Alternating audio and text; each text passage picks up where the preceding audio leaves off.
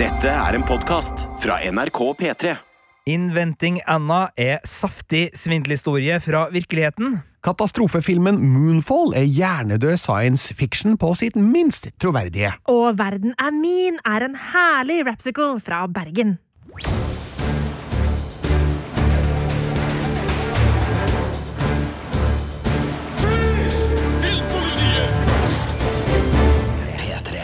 Ja, her sitter vi igjen, da. The Three Amigos, Birger Vestmo. Marte Hedenstad. Og Chevy Chase. Ja. Nei, eh, Sigurd Vik. Ikke sant. The Three Amigos er en morsom 80-tallsfilm. En gammel referanse, men verdt et eh, gjensyn, eh, føler jeg nå. Men vi skal ikke snakke om 80-tallsfilm. Vi skal snakke om splitter nye ting på seriefronten og på kinofronten. Og vi skal til Netflix aller først, Sigurd. Det skal vi. Det er nemlig sånn at i fredag 11. februar så kommer det en ny serie der som har ganske mange attraksjoner for et TV-interessert publikum. Altså, øh, produsenten og, og serieskaperen er Shonda Rhimes, kjent for annet Bridgerton og Grey's Anatomy. Um, Ozark-favoritten Julia Garner, som spiller da Ruth Langmore i Netflix-serien Ozark, spiller hovedrollen. Det er kjente ansikt fra Orange is the New Black og Succession som bekler sentrale biroller. Og i ytterkantene av denne svindelhistoria fra virkeligheten så skimtes både Fire-festivalen, motiver fra Khloe Kardashians Instagram, og det er store doser merkevarer og luksusliv på skjermen i Inventing Anna. I might have a story. Her name is Anna Delvey or Anna Sorokin. No one's sure. She's either a rich German heiress or she's flat broke. The charges are insane. Anna committed real white collar felonies while posing as a socialite in an attempt to steal millions of dollars. Hi, Anna. I just had some questions. I have a question. Nå har jeg nettopp avslutta Ozark sesong fire, og er så imponert over Julia Garners rolle der som Ruth Langmore at jeg har kanskje litt vansker med å se for meg hun i en annen rolle. Hvordan er det å se hun i Inventing Anna? Eh, Jo, altså, hun spiller jo en um, eh, kriminell som man har litt sansen for i Ozark. Og i Inventing Anna, som da er basert på den virkelige Anna Sorokin, eller um, Anna Delvey, eh, så spiller hun jo også en svindler, som er i hvert fall da svindeldømt. eh, men som også har sider som man kan eh, like, og dermed så er jo Julia Garner eh, fremdeles da på en karrierevei hvor hun er på Netflix og spiller eh, interessante rollefigurer, selv om aksenten som vi hørte her på tampen av lydklippet, er ganske annerledes eh, som den russiskfødte kvinnen som utgir seg for å være en eh, tysk arving,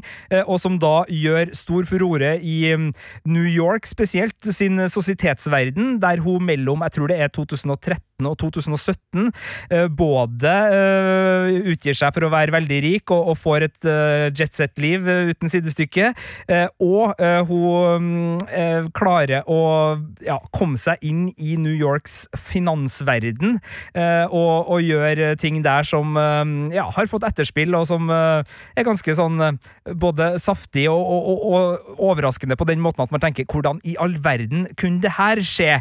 Eh, men eh, ja, nei, fascinerende å se Julia Garner, som er et av de store stjerneskuddene eh, om dagen, eh, ta fatt på en eh, sånn rolle. Er det her en sånn type historie der du egentlig ønsker at svindleren skal lykkes med å svindle? Ja og nei. Altså, det er jo ikke noe tvil om at uh, det her er en person med uh, personlighet og Eller mange personligheter, alt ettersom uh, behov for, for svindling. Men altså, sånn, det er jo en karisma her. Det er jo en person man, i hvert fall i perioder av serien, uh, blir glad i. Men det er også en person som gjør sånne ting at det er vanskelig å heie på, og vi blir jo også kjent med de folkene hun uh, har rundt seg, og selv om det ikke er så lett å liksom synes synd på rikfolk som uh, mister litt penger, og uh, dem som blir liksom lurt fra noen middager og hotell som ikke får betaling for overnattinga og sånn, det er klart, det er ikke noe sånt jeg sitter igjen med sånn der stort sånn Nei! Det her kan ikke skje! Altså, jeg, jeg blir ikke forferda, selv om jeg sikkert hadde vært irritert hvis jeg var hotelleier, men um, det, det mest interessante er jo det som skjer i, i måten hun liksom får vennskap, og, og om hun da liksom fortsetter svindlene mot alle, eller om hun blir så gode venner med folk at hun avslutter enkelte svindler og gjør opp for seg. Det, det er dem type mm, litt sånn gråsone Ikke litt sånn, veldig gråsone problemstillingene som kanskje blir interessant da utover i denne ni episoder lange fortellinga, som også da ser hele saken fra et journalistperspektiv, fordi den er da øh, sånn manusmessig basert på en New York Magazine-artikkel som heter How an, uh, How an Aspiring It Girl Tricked New Yorks Party People and Its Banks, som da ble skrevet av Jessica Pressler, som også skrev artikkelen som filmen Hustlers med Jennifer Lopez fra 2019 ble uh, basert på, som da handla om etterspillet av finanskrisa og hvordan uh, enkelte fant nye muligheter der. Så, så det er, kommer fra, fra, journalistikken, men er da behandla fra Shondaland, som uh, Shonda kaller sitt produksjonsselskap, og, og, fått Altså, det er ikke like drøyt som Bridgerton i, i stilen, men det er definitivt saftig drama bakt inn i, i realismen her. Altså, jeg har sniket meg til å se to episoder av det her, og jeg syns jo hun Anna, da, Julia Garner, er en sånn derre herlig ikke likende. Altså sånn, hun, hun, er jo syk, virker å være sykt manipulerende og sier sånne sprø ting sånn som bare 'Hva er det du har på deg? Du ser fattig ut.' Sånn, hun er så skikkelig fæl person, men hun gjør det på en måte med en sånn der karisma som du nevner, som gjør at man blir fenga av det. Eh, men du nevnte denne journalisten, eh, som dette her også er da Eh, har fått en rolle. Altså, det er jo ikke den samme journalisten som har skrevet den faktiske artikkelen som skildres i TV-serien. Er det en fiktiv journalist, er det ikke sånn? Det er en fiktiv journalist som da øh, heter Vivian Kent, og som, som har fått sin egen backstory, og det er jo her fiksjonselementet gjør seg veldig gjeldende, fordi øh, det er jo sånn at um, gode dramaserier skal ha litt sånn uh, ekstra juicy sidespor, og denne journalisten er ikke bare journalisten som nøster i historier og som finner ut det her, hun er også høygravid, så det er en tidsfrist her. Hun må få løst saken før barnet kommer, og i tillegg så har hun uh, en forhistorie på arbeidsplassen hvor hun har blitt offer for en del omstendigheter som gjør at hun også har en sånn her gjenoppreisning og tar rotta på de gamle gubbene på sjefs sjefskontoret som har gjort henne urett tidligere, og da er det her liksom hennes uh, uh, ja, store liksom trumfkort for å få tilbake karrieren da på, på rett kjør. Så den delen av serien gjør jo at det smaker ganske såpe av det hele. Ja, for det er det jeg lurer på, fordi der jeg liker den delen med Anna Stroken veldig godt, og syns at det er jo en historie som er for på en måte høres ut som fiksjon. altså Virkeligheten er mer gæren enn en fiksjonsverdenen omtrent, for det er så helsprøtt, det som skjer. Eh, trenger egentlig serien den delen med en sånn dramagreie på arbeidsplassen eh, for journalisten i tillegg? Altså, eh, jeg, jeg, vil jo tro at uh, det er sikkert markedsundersøkelser som er gjort som tilsier at uh, dramaserier for et bredt publikum går enda bedre når de får det her. Og det her er jo en hybrid. altså Det er basert på virkelige hendelser, men det er veldig mye fiksjon i den biten her.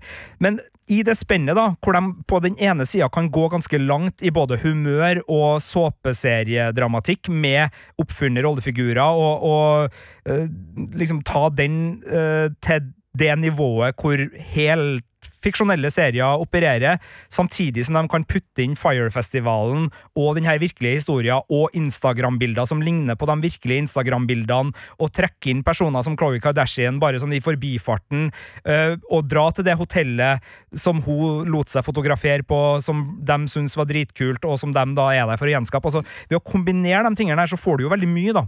Og jeg tenker det er det uh, serien her går for. Den går for å ha veldig mye luksusliv som er uh, lekkert presentert foran kamera. Altså Hvis du er westernfan, så vil du se Clint Eastwood sitte og tygge på et uh, strå i et ørkenlandskap. Det er det du vil ha. Det er godt stallfyll.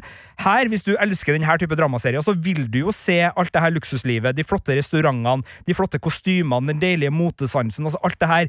For meg så er jo ikke det helt innertier når det gjelder at jeg syns ti minutter med det er god TV, men det vil det jo sannsynligvis være for et bredt publikum. Og eh, for, fordi jeg elsker kaffedrikking såpass godt som jeg gjør i westernfilmer, av sånne uh, metallkopper gjerne, som de sitter på porchen og gjør, så, så, kan jeg jo kjenne igjen at andre vil synes at det her er veldig godt TV-selskap gjennom de strekkene hvor det kanskje ikke skjer så veldig mye, men det som er på skjermen, er saft artig, stilig og kult. Jeg vet ikke, Du, Marte, er jo mer kanskje glad i den type Altså Emily in Ja. Paris-estetikken, da. Hvis du skal Jeg skru det elsker til jo å hate Emily in Paris. Det her er ikke Emily in Paris, men altså, den har litt av de samme Ja. estetiske gledene som Emily in Paris kan tilby et publikum. Ikke sant? Kanskje siden vi befinner oss på Upper East Side, eh, Gossip Girl-land, kanskje?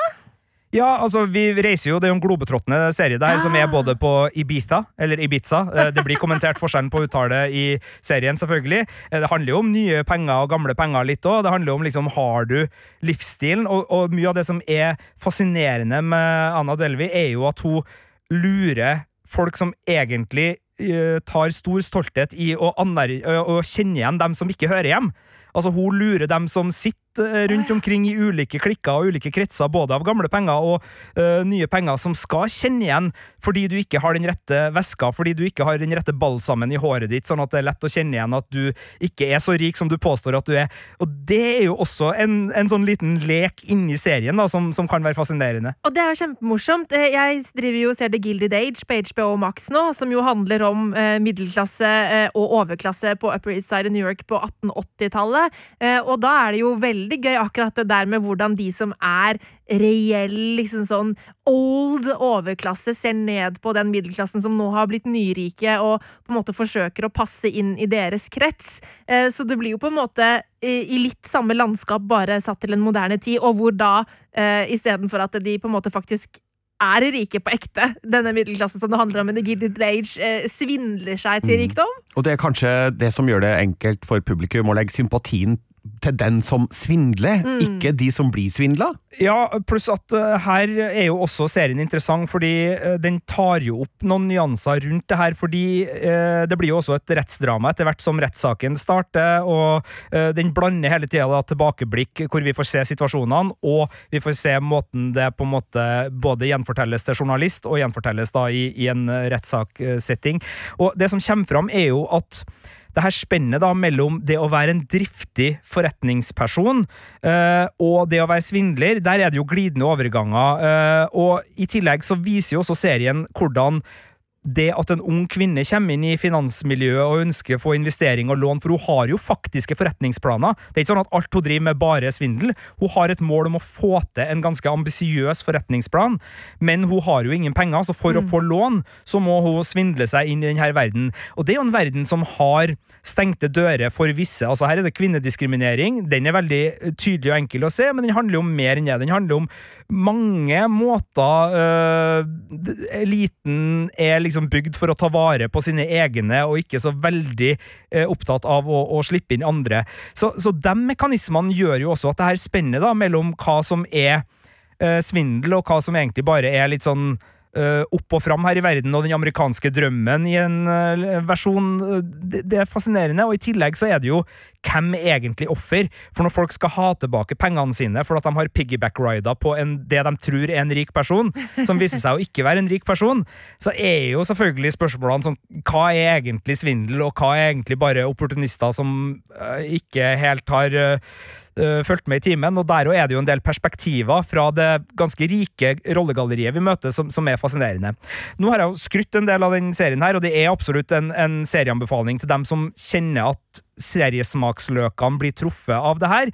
Samtidig så er det verdt å si at på ni, over ni timer spilletid, eh, og med veldig mye sånn eh, se situasjonene fra ulike sider, så er det en ujevn serie. Den er både for lang og for omstendelig, og den oppleves sånn drøvtyggende langsom når den skal vise oss det som egentlig er helt opplagt, men bare liksom slå det inn, og vi ser de samme scenene flere ganger, og vi kommer liksom ikke helt av stedet hvil, og det er ikke alle disse svindelhistoriene som er like gode, men vi skal liksom igjennom alle sammen. Det er riktig at det er en TV-serie, fordi den bruker den episodiske strukturen ganske smart, både på å presentere oss for rollegalleriet, de ulike problemstillingene, og den har noen enkeltepisoder som virkelig blir gode, der det dykkes ned i én enkelt greie per episode. Men det er også en historie som i sitt omfang nesten kunne ha vært en film. Så, så det blir veldig langt, uh, trukket over uh, ni timer, og rytmen er veldig ujevn. Altså I enkelte episoder så sitter jeg og bare er skikkelig fenga, og det er så kult. Og måten de liksom parallellforteller historier i fortid og nåtid, sitter skikkelig godt. Andre episoder så funker ikke i det hele tatt. Det bare oppleves uh, dobbel dose, og, og det, det er ikke en god rytme i uh, fortellertempoet, rett og slett. Uh, Syns i hvert fall ikke jeg. Uh, alt er velgjort, alt er forseggjort, det er uh, lekkert produsert, men det har ikke det der drivet som TV kan ha på sitt beste, og, og utnytter ikke alltid det episodeformatet. Og så er det jo den tematiske biten, da. Altså, jeg kan være snill med serien og si at litt av poenget med å vise fram en svindler og en manipulatør som Anna Sorokin er at hun er som en løk. Altså, du skreller av lag på lag på lag, men det er ikke noe kjerne der. Du kommer egentlig ikke under huden på den hovedpersonen. Det gjøres i serien her òg, på en måte som liksom er både frustrerende, men det kan på en måte aksepteres ut fra at det tematisk sett er riktig. Men det er litt frustrerende at vi egentlig aldri blir kjent med rollefiguren. Det at hovedpersonen, den ene hovedpersonen i den serien her, er en person som lander hele tida på spørsmålet, og, og her kommer såpeserien inn, da. Er, er det manipulasjon, eller har vi truffet noe ekte nå? Og det at det spørsmålet liksom alltid ligger der, det kan tematisk sies å være en veldig smart greie, og jeg vet ikke helt hva jeg syns om det her. Jeg har ikke helt landa på om jeg fremdeles er frustrert, eller om jeg syns det er genialt. Eh, Hvis dere skjønner hva jeg mener, det at den rollefiguren forblir en gåte og Unnskyld at jeg spoiler litt, nå, men, men det er ikke noe sånn at vi liksom lander på Og der er kjernen av Anna Sorokin i den serien her. Det er en løk. Vi, vi, eh, vi kommer egentlig bare inn til en ny mulig manipulasjon. Eller kanskje er det ekte. Kanskje var det den personen vi møtte for to episoder siden som var den ekte. Altså, den uvissheten, det er kult. Det jeg ikke er like begeistra for, eller uh, ikke kan på en måte se den samme positiviteten, er den andre hovedpersonen, altså uh, journalisten Vivian, som da uh, spilles av Anna Klumsky, kjent fra Veep, ikke det? Jo, hun annet, spiller og- Amy ja. Bruckheimer i Veep, og så spiller hun girl. Veida Sultenfuss Ja, i My Girl. Hun- Det, det, det er riktig. Eh, Hun er jo en glimrende komiker, og hun får lov til å spille både på en slags sånn komisk uh, greie, hvor hennes reaksjoner er sånn Det er ikke, det er ikke ha-ha morsomt, men det er mye sånn skråblikk og, og artig inni der. Eh, hennes eh, rollefigur som da en journalist som er ganske egoistisk oppi alt det her, og som egentlig søker historier vel så mye for sin egen oppreiselses skyld, men som da skal liksom få veldig mange sånn aha-opplevelser om hva hun egentlig driver på med, og hva det gjør med Anna, og liksom det at det skrives en historie, hvordan ansvar har hun som journalist.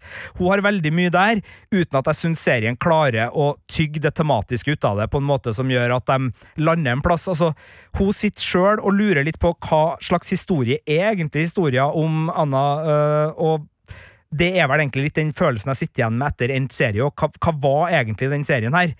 Bortsett fra å vise fram noe som er eh, tabloidvennlig, superjuicy krim fra virkeligheten, med flotte omgivelser og masse luksuskulisser, Altså, har den serien her noe mer på hjertet. Og den har en del spørsmål underveis som er interessant, som stiller sånn tematiske, interessante, nyanserte spørsmål rundt eh, manipulasjon, forretningsliv i USA, den amerikanske drømmen, stengte eh, dører, uh, kvinnerepresentasjon både i journalistikk og i forretningsliv. Altså, uh, det er mye der, men den stiller bare spørsmålene. Den, den holder seg i overflata også der, og det kjenner jeg gjør at jeg sitter igjen med en litt sånn skulle ønske det var noe mer følelse etter å ha brukt eh, da nesten ti timer på Inventing Anna. Men som eh, underholdning med litt substans og krim fra virkeligheten i bunn, og med masse lekre overflater, for all del, det er bare å sette av tid. Og Julia Garner Sjøl om jeg irriterer meg grenseløst over uh, aksenten hennes til tider, og eh, replikker som Check it again! Når det gjelder kredittkort som ikke blir løst. Og You're so basic! Og veldig mye annet. Beklager min aksent, den er heller ikke god. Men altså, man blir ganske lei en del setninger, oppførsel og uttrykk underveis, men det er vel også da en del av reisen i denne Netflix-serien. Nemlig. Hvilken terning lander du på da til Inventing Anna? Det blir en firer til Inventing Anna, som både kjennes snill, eh, men kanskje også eh, litt slem for en, et publikum som virkelig elsker denne sjangeren. Men for meg så er det en snill terningkast fire til Inventing Anna. Og dette ser man på Netflix. Fra og med fredag 11. februar så ligger alle ni episodene ute på Netflix, og det er da alle ni episodene denne anmeldelsen er basert på. Samme dag, fredag 11. februar, er det premiere på en ny film på kino, og ja, du kalte Inventing Anna underholdning med litt substans. Eh, Nå skal vi til en film som er underholdning helt uten substans whatsoever, og det er den nye filmen fra Roland Emmerich, katastrofefilmeksperten, eh, som har laga Independence Day. eh, The Day After Tomorrow, 2012 og Midway var vel den siste filmen han hadde på kino. Nå heter filmen Moonfall. If you're watching this, then you know by now a huge problem is heading our way. An emergency meeting is being called at our usual place immediately. Free bagels. I've made a shocking discovery. I need you to get me in touch with NASA immediately. Well, NASA and I aren't really on speaking terms these days. Well, that'll change. When you tell them that the moon is out of orbit. Jeg har anmeldt Moonfall til en treer på terningen med overskrifta 'Hjernedød science fiction på sitt minst troverdige'.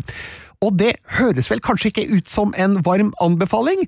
Eh, nå har jeg et problem, fordi jeg vil jo gjerne anbefale Moonfall til folk, men man må vite hva man går til. Altså, Har man sett en Roland Emmerich-film, så vet man hva det her går i. Han er jo en maksimalist som pøser på med effekter og oppfinnsomme problemstillinger, kan vi si det sånn, da, i en katastrofesetting. Og denne oppskrifta har han jo brukt i 20 år, helt siden Independence Day ble en megasvær hit i 1996. Og Moonfall er bygga over den samme lesten. Altså, du har en svær katastrofe som har litt med verdensrommet å gjøre, og sånn, og så har du et altfor stort persongalleri med masse sånn småhistorier eh, som har hver sin historiebue, som skal på en eller annen måte få en konklusjon. Og jeg tror jeg tror meninga er at vi skal bli rørt av noe av det her, men eh, nei. Emmerich er en fabelaktig effektmaker, men han er en, unnskyld uttrykket, ræva dårlig historieforteller. Eh, Så jeg kunne av og til ønske at Emmerich tok seg av effektene, og så kunne han hyra inn en, en litt flinke regissør til å ta seg av historiebiten som skal liksom eh, plasseres mellom de visuelle høydepunktene. Eh, Men det er en sånn hjernedød popkornfilm der du bare kan sige langt ned i kinosetet og bare ta imot. Og på det nivået så fungerer Moonfall godt. Eh, Jeg kan gjerne se den om igjen, eh, fordi jeg vet jo hva jeg går til, og det visste jeg jo før jeg gikk til filmen her også, men den har altså en del negative trekk som gjør at jeg kan ikke gå høyere opp på terningen, men hvordan er det med dere, Marte og Sigurd? Kan en eh, treer på terningen være den perfekte filmen en fredag kveld? Ja, altså, Når jeg bare hører John Bradley sin stemme bare si 'The moon is out of orbit', så tenker jeg bare I am all in! Eh, få det på. Eh, men, men det jeg da lurer på, er fordi jeg er helt med på denne type eh, storslagen science fiction action. Det høres veldig, veldig gøy ut. Eh, så lenge ikke Altså De der historiene som du forteller om, hvor det skal handle mer om mellommenneskelige relasjoner og alt mulig sånt, at ikke det blir kjedelige punkter i, i filmen. Nei, det rekker ikke å bli kjedelig, fordi de bruker så kort tid på hver enkelt bit. Altså, du kan ha en scene der det er full action, men så stopper de opp i ti sekunder for at Patrick Wilson skal si en setning til sønnen sin, som på en eller annen måte får belyst deres forhold litt videre, og så er det på'n igjen, da, med neste actionscene. Så du rekker ikke kjede, det gjør du ikke, og det kan vel være til filmens fortjeneste at eh, Roland Emmerich vet hvordan han skal underholde oss, og ikke la fremdriften stoppe opp, eh, men filmen varer i litt over eh, to timer, og han kunne godt ha høvla ned 20 minutter, altså, og bare tatt vekk all, de her, eh, all den her eksponeringa av, eller eksposisjonen da, av de mellommenneskelige relasjonene, og bare kjørt på effekter, og kanskje hadde filmen vært litt bedre, faktisk, om han hadde vært litt mer økonomisk på historiefronten. Jeg merker jo at jeg blir litt nysgjerrig, for uh, det er jo lett å liksom putte øh, alle Emrik uh, Eller Emmerich. Jeg sier Emmerich. Ja, Emmerich eller, eller sier Emmerich. Roland Emmerich. Jeg tror jeg sier ich. Ich, ich, ich au. Uh, Roland Emmerich-filmene uh, i, i samme sekk, men for meg så er det jo stor individuell forskjell på dem. Altså, jeg elsker The Day After Tomorrow. Elsker The Day After Tomorrow, syns 2012 er gørrkjedelig. Uh, og de er jo liksom like på mange måter, men det er jo akkurat de her ulike små historiene og tematikken som gjør dem så forskjellige. Jeg syns The Day After Tomorrow treffer veldig godt med både skuespillere, uh, med Dennis Quaid og, Jake Gyldenhall i, i viktige roller. Den treffer med en tematikk som selvfølgelig er helt helt utpå der, men som allikevel har en, en sånn Ja, fader, uh, hva om uh, klimaendringene uh, gjør det der med oss? Og så har han en, en spenningskurve og en redningsaksjon som, som er relativt nedpå til, til Roland å være, mens 2012 Jeg bare husker en effektgraut av ødeleggelse. Er det den med arken? Ja, jeg tror det er Ja. sånne arker som skal Ja, ja, redde eh, verden fra Ja. Eh, men, men, men hvordan er det her? Altså, er det her en, en film som har liksom Independence Day, The Day After Tomorrow-kvaliteter inni der, eller er det 2012-versjonen hvor du bare liksom Ja, du sa det jo egentlig, altså 20 minutter kunne ha vært høvla bort, hvor du bryr deg så lite om det rollegalleriet at uh, dragsuget bare kan bli større? Ja, jeg er litt redd for at du kommer til å få 2012-vibba av det her, da, men uh, han går helt klart for at du skal få Independence Day-vibben.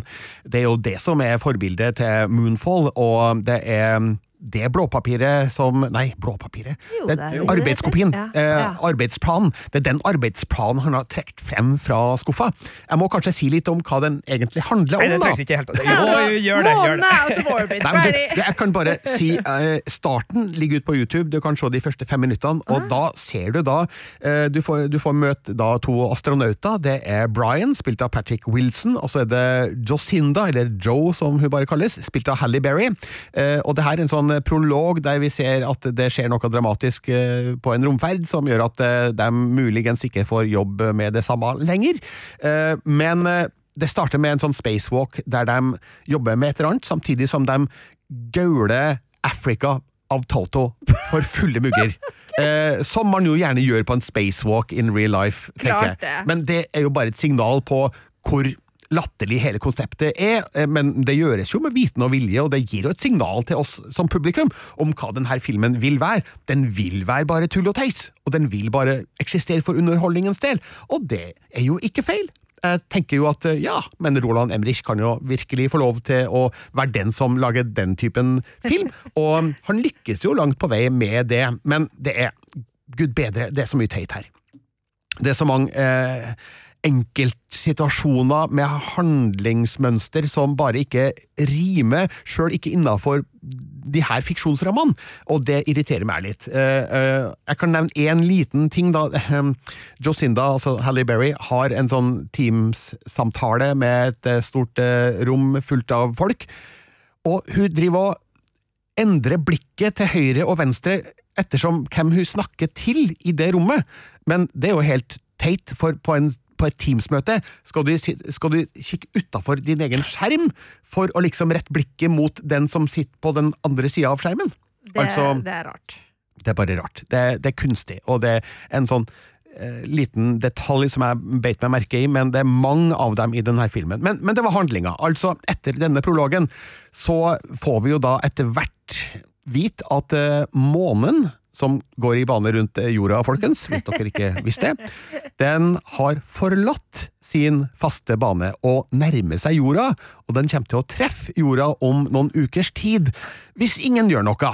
Eh, For noen kan selvfølgelig gjøre noe her. Eh, Man sender jo opp eh, romekspedisjoner på et lite femminutt for å sjekke ut hva, hva er det her egentlig, og Så, hva så da gjør man unna Armageddon. Ja, jeg skulle til å si. Kjenner man en, liksom en gjeng med oljeborere opp for å plante en atombombe som skal sprenge månen tilbake Ja, i orbit? Mens de synger Aerosmiths Don't Wanna Miss a Thing. Ja, nemlig. De kunne ha gjort det, men det de gjør er jo å hente frem gamle romferjer fra museer. Fra museer rundt omkring, eh, for det kan man visstnok gjøre også på et femminutt. Og gjøre dem klar til oppskyting på et femminutt, og så er det ut i rommet. Det er en sånn type film. Eh, John Bradley, som vi kjenner fra Game of Thrones, eh, hvem spilte han her? Sam. Ja. Han spiller jo Casey Houseman i Moonfall, som er da en sånn eh, måneromfartsnerd, som er vel den som først oppdager at noe skjer med månen.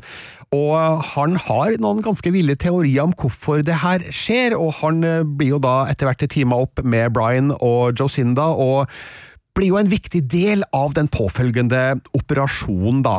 Eh, altså skal ikke jeg avsløre mer, tenker jeg, da, eh, fordi at noe må man jo oppdage sjøl i kinosalen, men eh, ja, det blir forholdsvis eh, spektakulært etter hvert, det her, og ganske crazy sånn eh, historiemessig. Men eh, det skal dere få oppdage på egen hånd. Jeg kan bare si at eh, når månen nærmer seg jorda, så skjer det ting med gravitasjon. Og det er faktisk veldig kult.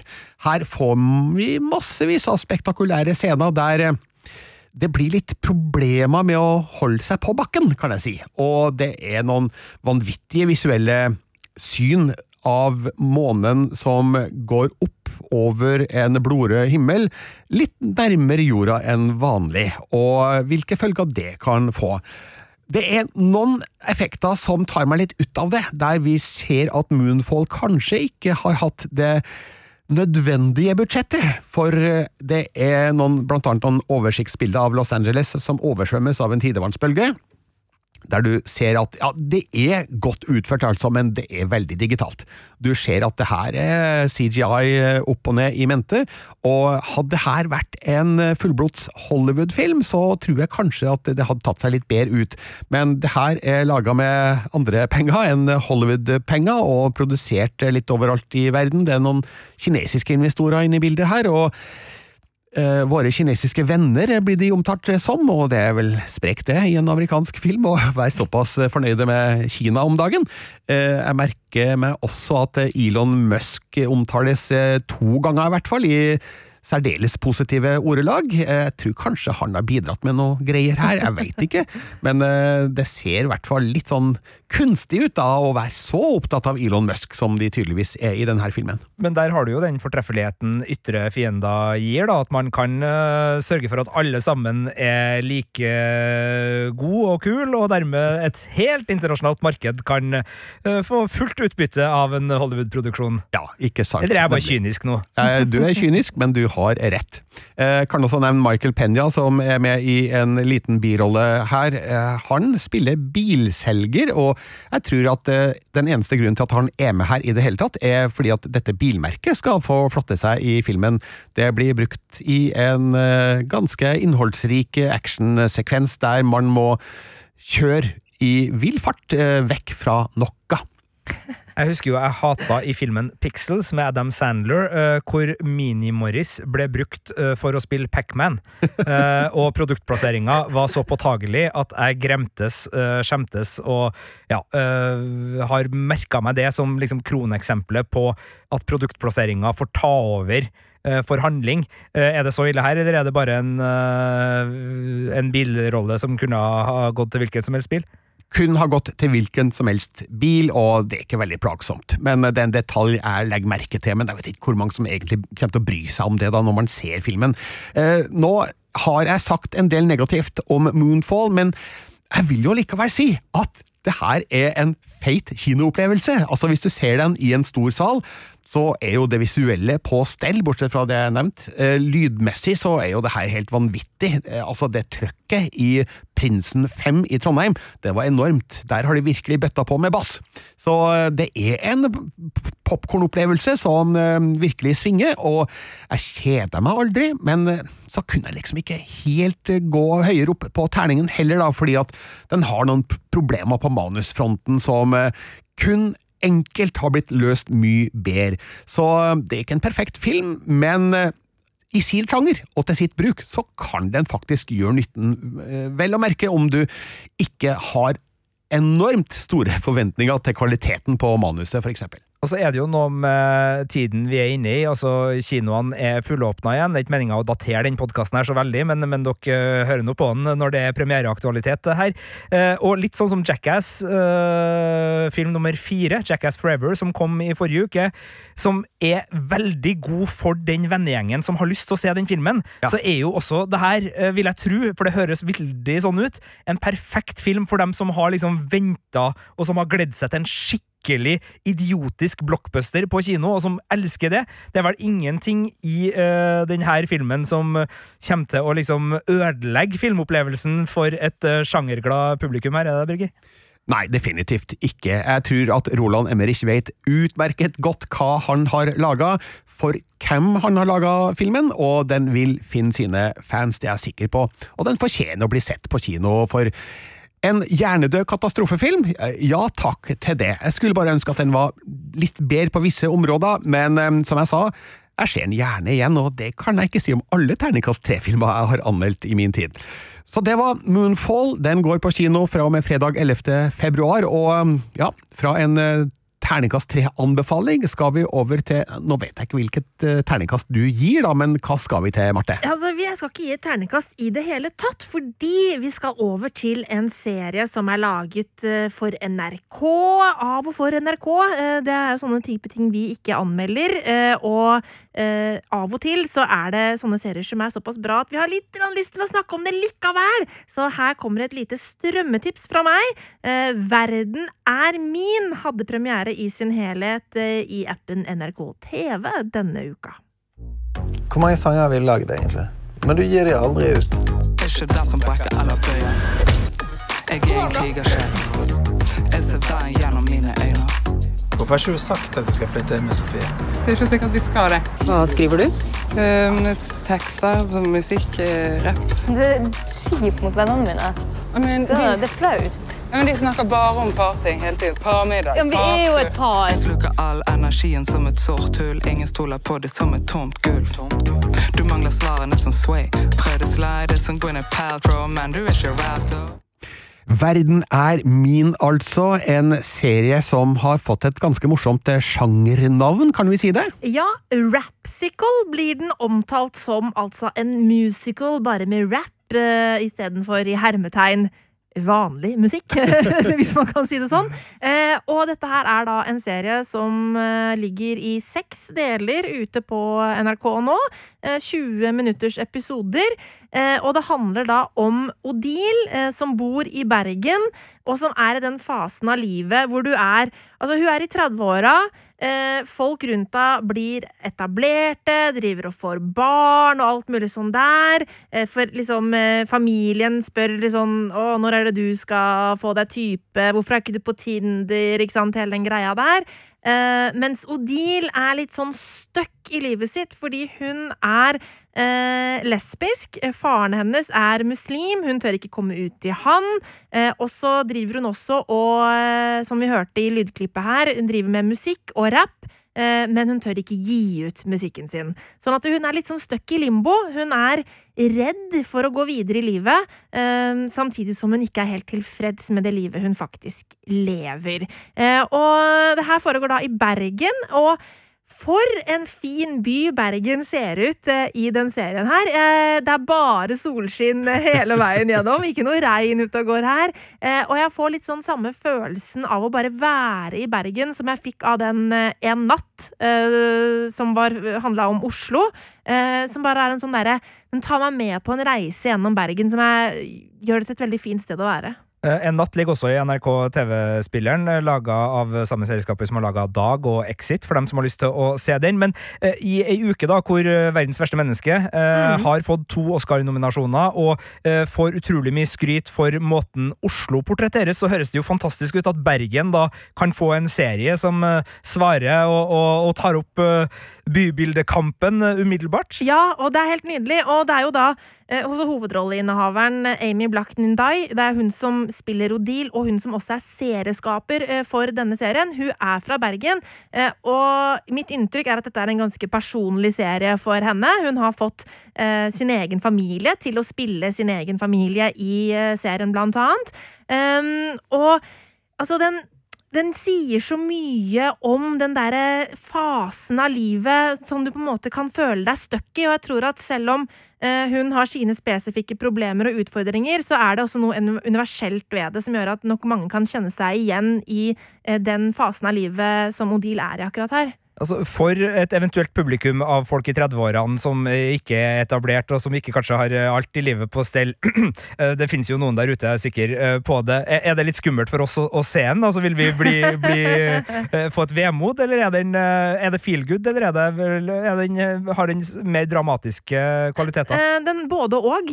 Den er både feel good, men Dramatiske kvaliteter var ikke jeg egentlig altså- Dramakvaliteter ja, mente. altså, den, den er feel good, men den er òg utfordrende. Og, og Odile blir utfordra av menneskene rundt seg. Eh, hun blir blant annet utfordra eh, av en rollefigur spilt av Tinashe Williamson, som kommer inn, eh, og hun er sånn som på en måte alltid sier ifra eh, hvis hun blir behandla dårlig fordi hun er brun i huden, eh, mens Odile er en, en konfliktsky kvinne som på, ikke alltid tør å liksom stå opp for seg sjøl hvis hun eksempel blir snakka engelsk til på polet fordi at eh, dama i kassa tror hun er fra utlandet, sant?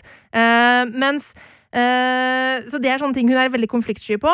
Eh, og så er hun òg en figur som eh, holder mye inni seg. Eh, Det er jo uh, Lars Vaular spiller hennes beste kompis Stian, uh, som er også da en musikkprodusent både i, uh, i serien, um, og som også er um, hva heter det, altså låtskriver for låtene som Odile fremfører da, i denne serien.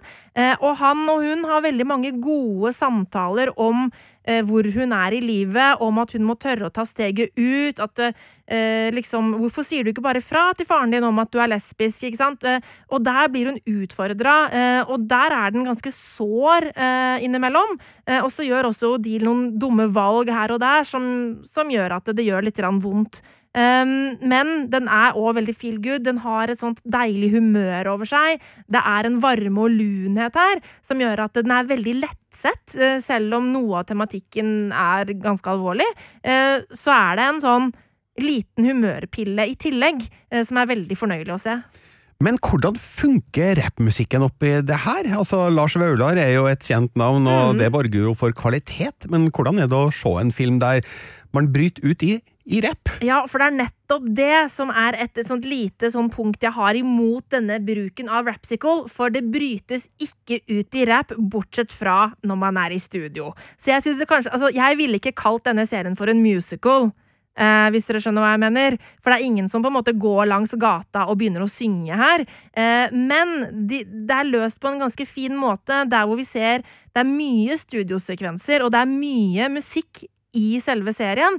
Eh, og eh, serieskaperne lar dette flyte utover i resten av serien, ut av studio, i form av eh, sekvenser som kan ligne litt på musikkvideoer, hvor vi både får Odile ute i verden mens hennes egen musikk ligger oppå det hun gjør, og en del sånne litt sånne der musikkvideoaktige altså sånn kollasjer av bilder fra barndommen og, sånne type ting, som da er det, jeg tror i hvert fall det er det, reelle bilder fra Ami sin eh, faktiske barndom, da, fordi eh, det er jo da som sagt eh, faren, søstera og moren som spiller familien hennes i i serien, eh, og de bildene som vi får se av litt sånn barndomsbilder og klipp og sånn, som legges oppå disse musikkvideostrekkene, eh, er de samme menneskene. Så det er en sånn en veldig sånn nær og personlig greie over serien som gjør at den treffer ganske godt, og som gjør at den eh,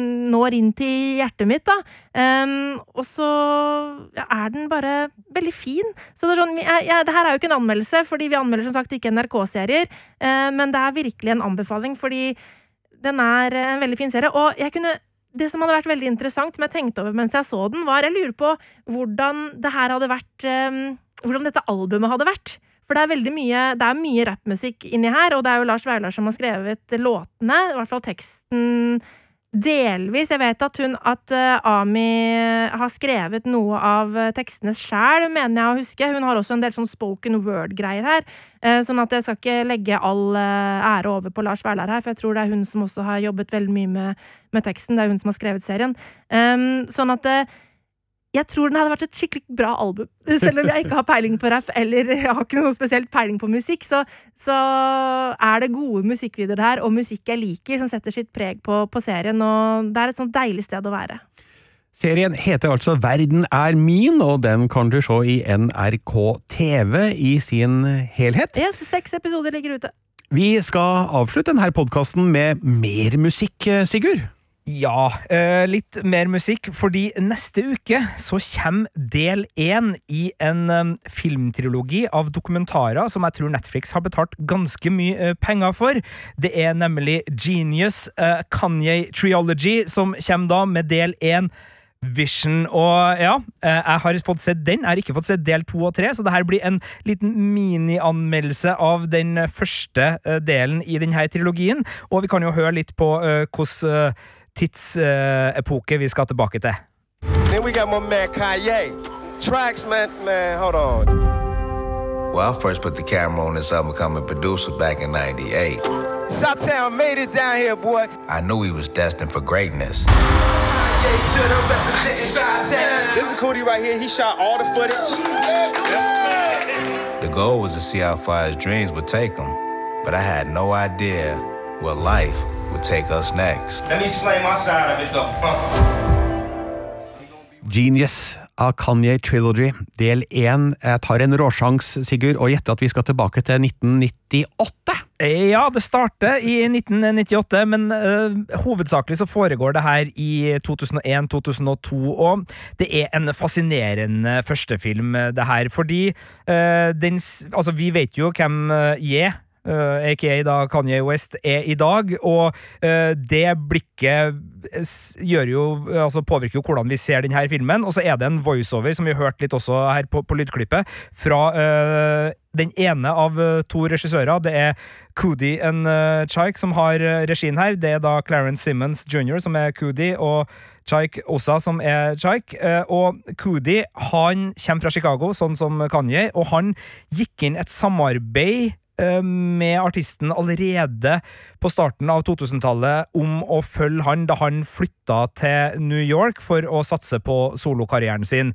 Eh, Han hadde da allerede et eh, TV-program som het Channel Zero i Chicago, hvor veldig mange kjente rappartister fra den tida var med, og der hadde han også opptak da allerede tilbake i 1998 av Kanye, som da var produsent for en del store artister allerede da. Eh, Men det er først når de begge da befinner seg i New York at eh, det her eh, dokumentarsamarbeidet begynner å ta form, og i denne første filmen så er det, og det er det som gjør den så, så utrolig god, da, det er den dokumentaren som ble filma i eh, 2001 eh, og 2002, som er det vi får se. Altså, det her er en eh, dokumentar som motstår fristelsen til å krydre med arkivklipp, til å krydre med uh, store hits uh, som legges på lydsporet, som ikke har med uh, intervju med stjerner i dag, som skal liksom fortelle om hvor utrolig fantastisk det var å høre Kanye West på den tida, og det er heller ikke noen nye intervjuer med Kanye West sjøl som forteller om det. Det er bare den uh, historien som ble fanga på litt sånn DV-kamera, hjemmevideoestetikk uh, der og da, i gatene og i studioene og i heimene i New York og litt i Chicago. Og det gjør jo at miljøskildringene og, og hele den der tids... Uh, tidsbildet som vi presenteres for, har en stor uh, ekthet og en uh, må, altså, den, den forteller på en måte som gjør at vi virkelig føler at det er ekte, det som er på, på skjermen her. da. Må man være Kanye West-fan for å synes at det her er spennende, eller kan man komme inn i det uten å ha bakgrunnsinfo og kunnskap? I denne eh, første filmen så tenker jeg at den er interessant både som Kanye-biografi og som uh, musikkdokumentar og, og et stykke musikkhistorie. Så hvis man Akkurat som man kunne se The Beatles Get Back-dokumentaren, som også er, har sin store styrke nettopp fordi at den er der og er filma der og da, og ikke er klippet opp og, og laga i etterkant. Den har litt av de kvalitetene. Eh, så fungerer denne eh, første filmen som et blikk på hvordan eh, amerikansk hiphop anno eh, typ 2002 eh, var. Altså, han er jo i over... Altså, han er, beveger seg imellom den øvre delen av undergrunnen og stjernehimmelen i amerikansk hiphop, eh, Kanye, på denne tida. Det betyr at vi møter på folk som Pharrell, eh, vi møter på folk som JC, men vi er også på lokale radiostasjoner, og det er også litt sånn småkjekling med rivaler, og, og det er en sånn helt nydelig tidsbilde som presenteres, da. Eh, Dokun er jo eh, uten kritiske spørsmål og har jo ikke den avstand til materialet hvor du får kontekst og analytisk nysgjerrighet rundt det som foregår. Det er en nær dokumentarfilm som uh, har et visst sånn uh, promoteringsøyemed også, i hvert fall i den tida det ble laga. Altså, Kanye gjør jo det her og er jo med på det her fordi det er bra for han som artist og har noen promokvaliteter. Samtidig så har Cody putta seg sjøl som fortellerstemme, og han putter også seg sjøl litt inn i filmen, for han er jo en, det er jo hans historie også, det her. Og det gjør at det ikke blir et sånn glansa bilde av hvor fantastisk Kanye West var som artist. Altså hans glød, hans talent, hans enorme sjøltillit og enorme sult på suksess kommer veldig tydelig fram. Men man ser også en, eh, en person som oppleves ekte, og som er usikker på hvordan han skal gripe an karrieren, hvordan motstand han møter, og alt mulig sånn. Så jeg syns det er utrolig det, altså det er litt sånn råflott å få det her i sofaen 20 år etter, da, og bare kunne sitte og se det som nå er en av verdens største artister, øh, gjør sine skritt på veien til den suksessen med en kompis og et kamera på slep i øh, såkalte pre-SoMe-hjemmevideoer som vi aldri ville ha fått de blikkene hvis det ikke var fordi at de toene her hadde liksom bestemt seg for å Ja, vi tar med kamera. Terningkast fem har du gitt til Act One, som den første filmen i Genius av Kanye Trilogy heter. Kan du gi oss litt sånn hvor og når på denne trilogien? Ja, øh, jeg syns jo den slutter litt plutselig, den filmen. her. Det er min store innvending mot den, fordi den har egentlig ikke noe ordentlig klimaks, og som en selvstendig dokumentarfilm om Kanyes tidlige karriere, så syns jeg at øh, det er litt for gæli, holdt jeg på å si. Altså, det, det slutter før vi kommer til debutalbumet. Mm. Men øh, det er jo nettopp Det kommer to filmer til. Altså, den her, som da heter Vision, den kommer den 16. februar på Netflix, og så kommer film nummer to, som heter Purpose, den 23. februar, og så kommer film nummer tre, som heter Awakening, den 2. mars. Og den første filmen her er på ca. 90 minutter, så det er vanlig eh, spillefilmlengde på den da. Og um, det er jo sånn at ut fra presseskriv og trailer og det anslaget, som da gir oss eh, litt nyere bilder og en liten sånn montasje av karrieren til Kanye, så skjønner vi jo her at vi skal gjennom hele hans karriere. Eh, vi skal uh, se hans globale varemerke, som det het i promoskrivet jeg fikk, og vi skal også nok innom hans politiske ambisjoner. Så det å få en førstefilm som er så rolig og såpass uh, raus med tida på de første årene, eller egentlig det, det, første halvåret, tror jeg egentlig er det som er, uten at jeg er helt sikker på tidsmarkørene her. Men uh, det at vi får det, det, det, er nok en luksus, og jeg er veldig spent på hvordan stilen i denne eh, dokumentartrilogien blir, uh, når vi nå da skal prøve å dekke 18, 19, 20 år på to filmer, og det har jo mm. skjedd en del med Kanye West på den tida, så om den kommer til å være like liksom, dedikert til musikk musikken og tett på artisten Kanye, sånn som denne filmen er, eller om den blir mer uh, oppstykka. Det, det, gjenstår å se, men det er jo tydelig at uh, Kudi og Kanye har en, uh, en relasjon som, som, gjør det her til noe mer enn bare en hvilken som helst doku, og derfor så er jeg også begeistra for å sette meg ned og se de to kommende installasjonene i denne trilogien. Med det så runder vi av denne podkasten fra Filmpolitiet, som du hører først i appen NRK Radio. Hvis du hører den et annet sted, så får du den en uke seinere, så kom deg inn på appen NRK Radio. Der finner du også alle andre NRKs podkaster, og dem er det mange av. Vi har jo for eksempel en annen podkastserie gående. Hvilken er det, Marte? Jo, altså, vi driver jo og podkaster om The Book of Boba Fett i vår Mandalorian Mandalorian spesial. Eh, og det er jo en serie som har rulla og gått, og nå har den hatt sin finale eh, på onsdag. Og vi gleder oss veldig til å snakke om finalen på Book of Boba Fett. Det gjør vi på mandag. Mm. Eh, så hvis du som hører på har lyst til å komme med innspill til hva du syns om eh, finalen på serien, så er det bare å sende det inn til oss på filmpolitiet at nrk.no. Jeg har sett den siste episoden. Har du? Jeg har sett den. Har du, Sigurd? Nei, og det er jo derfor dere ikke får oss til å på kontoret i dag. Noe som dere har klart. Eh, så ja, tusen takk for at dere ikke har eh, snakka eh, noe som helst om den. Men det var Men... veldig kult, da! Nei da. og ikke fullt så kult, da! Ja. Men i hvert fall den spilles inn mandag 14. februar. Du kan også høre oss på P3 hver søndag fra 12 til 15. Vi har alle anmeldelser ute på p3.no filmpolitiet. Og eh, da er det bare én ting igjen å si, og det er navnene våre. Jeg heter for eksempel Birger Vestmo. Og jeg heter Marte Hedenstad. Og jeg heter Sigurd Vik. Du har hørt en podkast fra NRK P3. De nyeste episodene og din favorittkanal hører du i appen NRK Radio.